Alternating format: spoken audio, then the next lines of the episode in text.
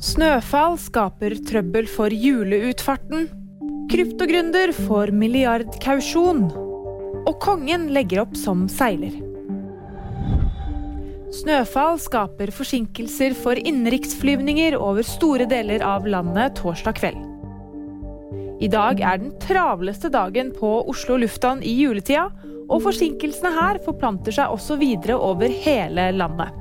Ifølge pressevakten ved Avinor gjør de alt de kan for å hente inn forsinkelsene, slik at folk kommer seg trygt hjem til jul. Sam Bankman-Frieds kausjon settes til over 2,4 milliarder kroner. Bankman-Fried er grunnleggeren av den konkursrammede kryptobørsen FTX, og er nå siktet for svindel og bedrageri. Torsdag kveld norsk tid møter han i retten i New York.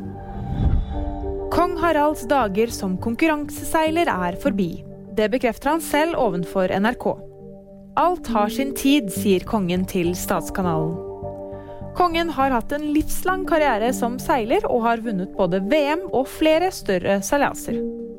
Og VG-nyhetene de fikk du av meg, Fride Rivø Lie.